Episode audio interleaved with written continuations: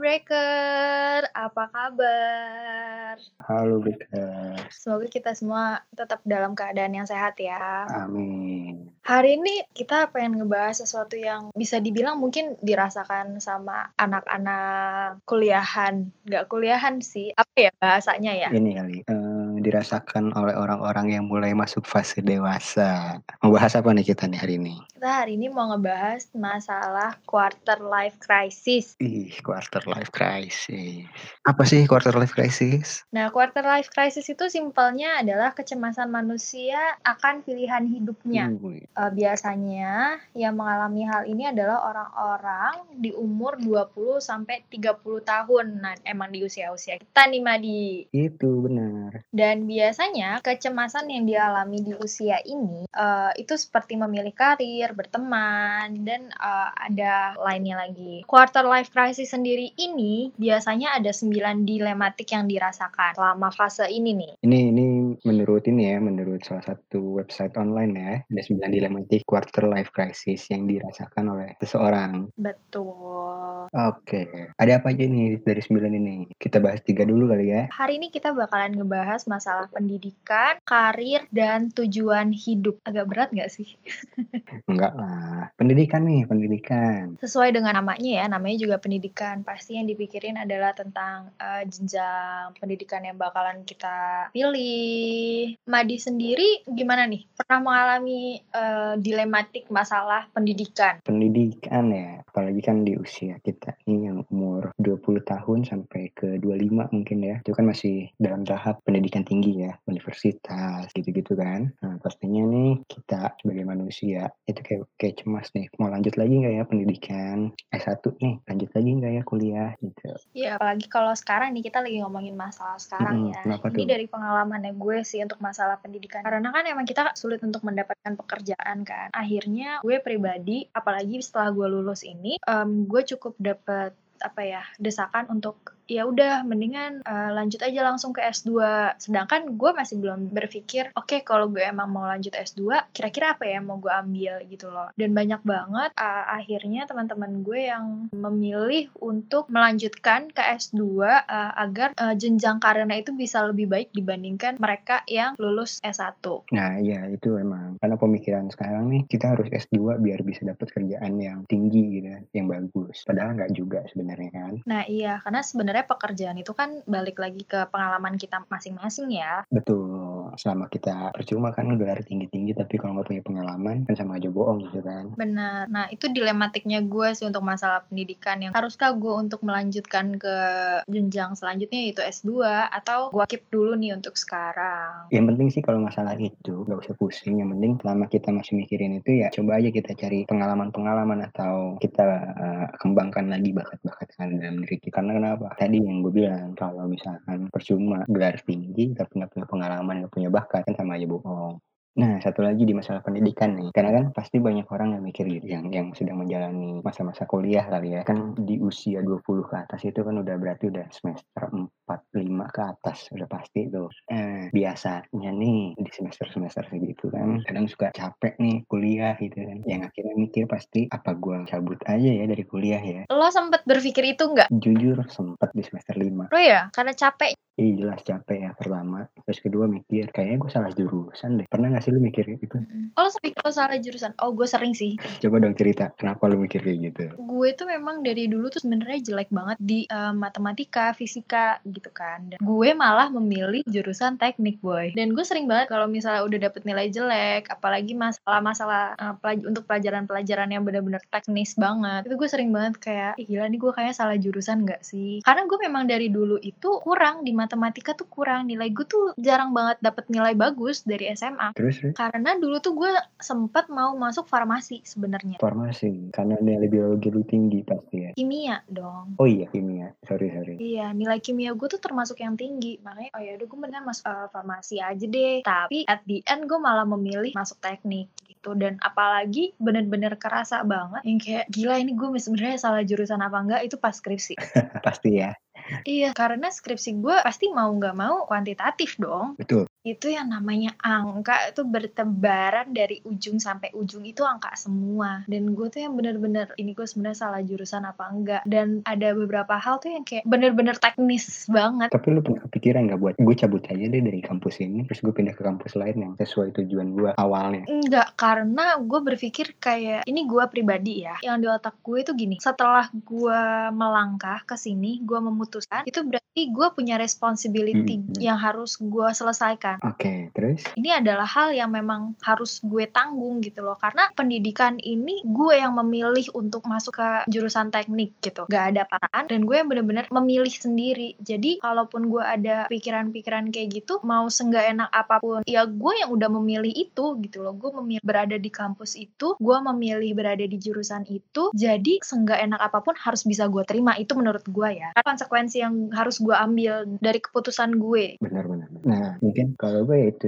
hampir sama sih sebenarnya sama lu cuman gue pernah berpikir untuk gue berhenti aja deh kuliah dan langsung kerja gitu. Eh, lo bisa dibilang udah dapet penghasilan juga kan selama lo kuliah ini kan? Pengaruhi juga gak sih? Cukup signifikan sih untuk mempengaruhi uh, ke pemikiran kita untuk tidak melanjutkan pendidikan. Ketika lu udah punya penghasilan bisa dibilang freelance ya dan ketika lu orientasinya udah udah menuju ke arah uang pada akhirnya uh, pada akhirnya pendidikan lu akan terlupakan gitu kalau menurut gua dan yang gua alamin sempet lo merasakan itu? Se- sempet banget. Semester berapa yang lo bener-bener itu tuh kerasa banget? Semester 4 mau ke 5 pokoknya. Dan itu gue sempet nyom sempet ngomong gitu ke orang tua gua gitu mau cuti sementara dan akhirnya lo ambil kah atau apa respon dari orang tua lo Iya, balik lagi ya. Namanya respon orang tua pasti harus dulu lanjut. Dan gue juga di situ mikir, ya balik lagi sama kayak yang lu sebutin tadi, soal responsibility, tanggung jawab. Nah, kenapa? Karena kita nih sebagai anak gitu ya, dan sebagai mahasiswa yang sedang belajar, kita punya tanggung jawab cuma satu. Ya udah lu lulus dulu. Di lulus lu mau nyari duit, terserah deh itu mah.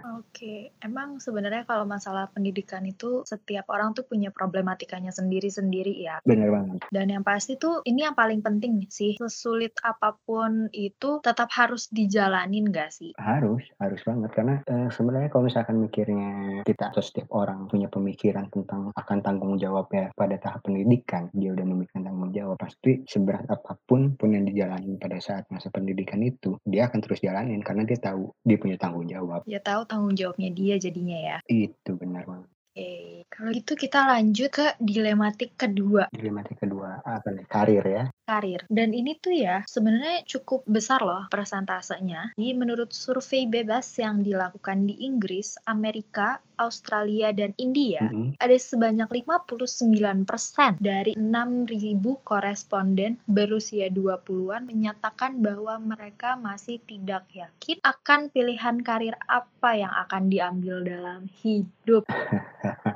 Banyak banget ya, hampir 60% ya. Nah, berarti lebih dari setengahnya tuh. Nah, lo sendiri gimana nih? Apakah lo udah tahu pilihan apa yang pengen lo ambil? Eh, kalau gue boleh jujur ya, gue sih udah udah dari mungkin satu setengah tahun yang lalu mungkin ya, ya gue gue udah memikirkan dan sangat yakin akan pilihan karir. Iya. Udah yakin. Cuman ya balik lagi itu dia keyakinan itu pada akhirnya akan luntur.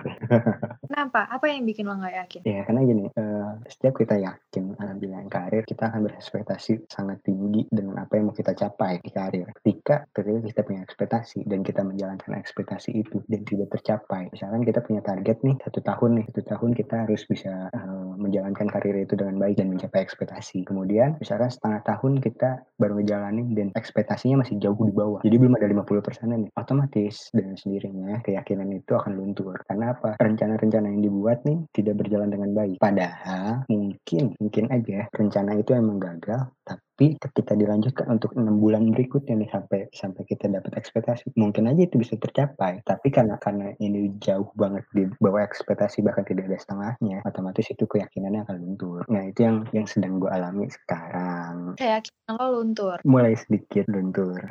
Nah, emang sih tiap orang itu pada umumnya pasti memiliki karir impiannya masing-masing. Namun akan menjadi hal yang dilematik ketika impian karir kita itu tidak sejalan dengan realita yang dihadapi. Nah, itu bener kan? Tapi kalau kayak gitu harus balik lagi ke diri masing-masing nggak sih sebenarnya? Iya, balik lagi sebenarnya. Uh, kita kan udah punya tujuan nih. Nanti nanti kita akan kita bahas di poin ketiga nih tujuannya. Tapi ini ini balik dulu ke masalah karir. Kita punya tujuan karirnya apa? Yaitu yang harus dijalanin. Meskipun baru setengah jalan dan itu belum belum ada setengahnya dari ekspektasi kita, tetap aja jalanin sampai sampai kita misalnya kita punya waktu nih, anggap satu bulan deh untuk mencapai karir impian. Dan kita baru menjalankan 15 hari dan 15 hari itu jauh dari ekspektasi kita. Jalanin aja dulu 15 hari berikutnya karena belum tentu 15 hari berikutnya ekspektasi kalian tidak akan tercapai. Mungkin aja di 15 hari berikutnya ekspektasi itu akan tercapai. Nah, benar. Sebenarnya lo ini kan udah tahu banget nih karir seperti apa nih yang bakalan pilih gitu kan. Menurut gue yang namanya kegagalan itu hal yang wajar dan gue tuh sempat baca ini. Gue lupa kalimat lengkapnya kayak gimana. Quotes-nya tuh intinya lo tuh jangan pernah takut gagal. Justru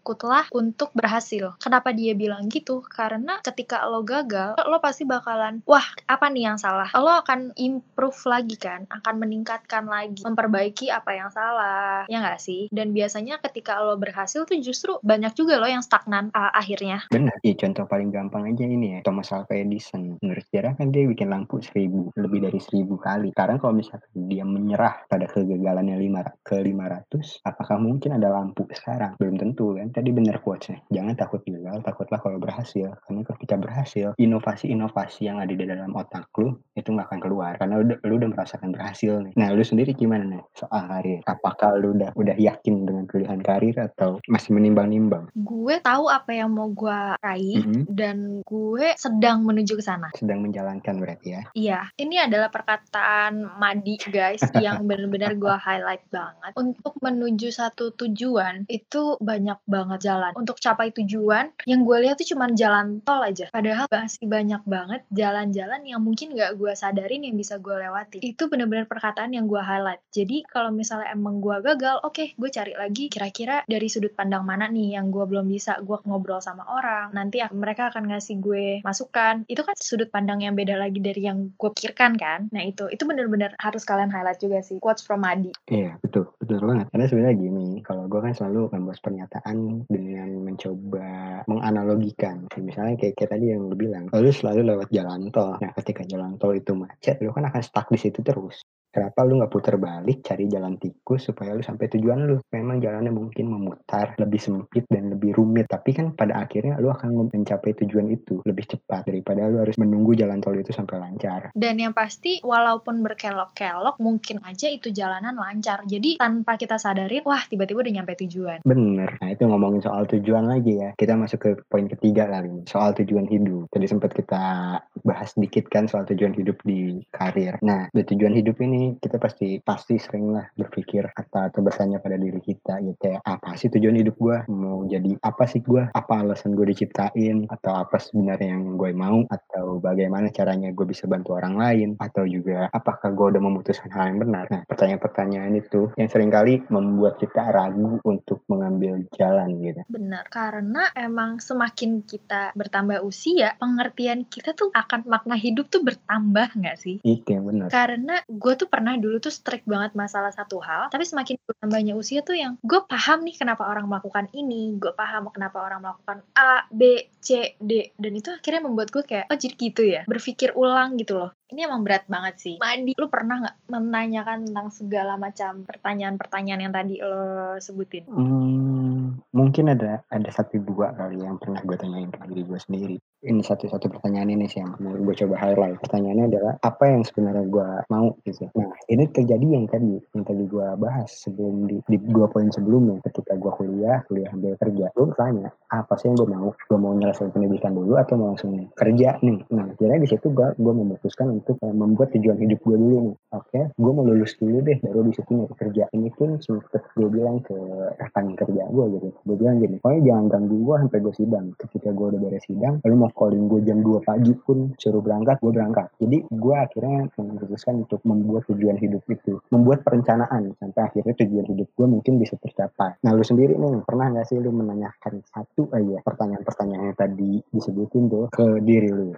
Gue bingung nih bilang. Gue gak tahu nanti ke depannya. Cuman untuk sekarang sih udah cukup lama sebenarnya gue um, mikirin itu. Paling gue pikirin tuh pas gue lulus SMA. Iya, justru gue beneran kepikiran itu pas SMA karena bener-bener pas gue lulus SMA tuh kayak kayak agak melihat dunia lebih jauh nggak sih? Sedikit lebih jauh nggak sih? Biasanya lo cuman di kota itu doang, terus nanti pas lo kuliah lo kan ketemu banyak banget orang baru dari berbagai macam daerah, ya kan? Kehidupan baru kali ya. Nah itu dan itu gue mikirin itu tuh pas gue lulus SMA yang bener-bener kayak gue tuh mau ke mana sih sebenarnya? Ini arah gue tuh mau ke mana? Dan awal-awal gue masuk kuliah pun gue masih berpikir kayak ini gue mau ngapain sih? Terus dengan gue masuk ke sini tuh gue bisa melakukan apa emang? Untuk orang-orang di sekitar gue lah. Akhirnya yang gue lakukan adalah gue breakdown semua pertanyaan-pertanyaan itu dan seiring dengan berjalannya waktu, tiap hari gue ketemu orang, gue ngobrol, uh, gue tulis jawaban-jawabannya. Terus kayak apa yang uh, sebenarnya gue pengen, gue tulis. Gue gak masalah untuk menuliskan sebanyak apa pun. Yang penting gue tulis aja dulu mau seberantakan apa pun itu. Yang penting gue punya gambaran kasarnya dulu nih. Yang nanti kalau misalnya udah gue rasa, wah nih kayaknya gue udah banyak deh, udah kekumpul, baru nih gue sortir. Oh kayaknya ini deh yang beneran gue pengen. Oh kayaknya hati gue tuh lebih ke sini deh. Yang kayak gitu loh. Itu gue. Dan akhirnya dari situ gue tuh mulai bikin uh, rencana hidup. Kalau rencana hidup ini tuh mulai gue lakuin tuh setelah gue lulus kuliah. Gue bikin rencana per lima tahun. Dan gue merasa gak harus banget sama persis dengan apa yang gue tuliskan. Tapi seenggaknya gue punya rencana dan gue punya tujuan. Oke, okay, gue akan ke situ. Berarti lu kayak membuat semacam bucket list ya? Iya, gue bikin bucket list karena gue banyak banget juga ngedengerin apa ya kayak Mario Teguh tuh apa sih cuy? Motivator.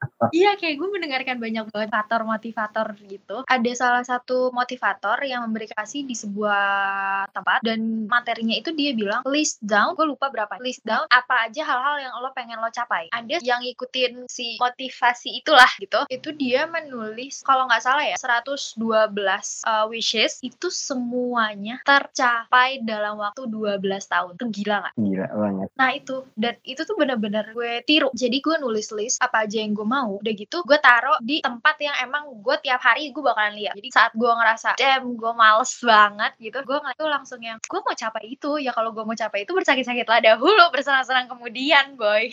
itu bener-bener banget. Nah gue gitu, itu gue sih. Bener, bener banget. Emang bucket list itu wishlist kali ya, bukan bucket list ya. Wishlist itu memang penting banget buat mengatur rencana hidup kita mau ke mana ya. Karena dengan lu punya harapan, ketika lu merasa yang tadi lu bilang, ketika lu merasa males, merasa down, ketika lu melihat harapan lu di, di sebuah kertas gitu atau di, di media apa pun ya, ketika lu melihat harapan itu, yang tadinya lu down, lu males, itu tuh kertas harapan itu tuh bikin lu naik lagi gitu mood. Nah itu jadi kayak emang apa pun itu kalau misalnya emang tiap hari yang kita lihat benar-benar kita harapkan dan kita doa juga jangan lupa ya pasti alam bawah sadar kita bakalan men-trigger kita untuk melakukan sesuatu agar mendapatkan keinginan kita ya nggak sih Iya, benar benar banget. Dan dan ini ya, eh, satu lagi mungkin contoh. Mungkin Breakers ini udah udah banyak yang nonton film 5 cm kali ya. Ingat ya waktu Herjunot Ali ya, yang dia naruh tangannya di depan dahi 5 cm, terus dia bilang simpan simpan tujuan lu di depan dahi lu 5 cm dari da, dari dahi lu, biarkan dia menggantung, jangan menempel. Karena kenapa? Ketika dia menggantung, dia akan terus terlihat sama mata lu dan harapan-harapan itu akan terwujud cepat atau lambat. Itu the best ya kalau untuk ngomongin masalah tujuan hidup tuh sebenarnya banyak banget quotes-quotes di luar sana tuh yang yang bagus dan memotivasi kita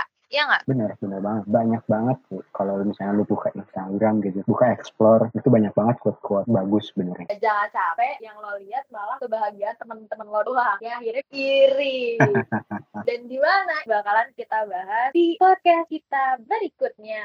Berikutnya ya. Ya, so Breakers, thank you banget. Gue Uki check out. Madi check out.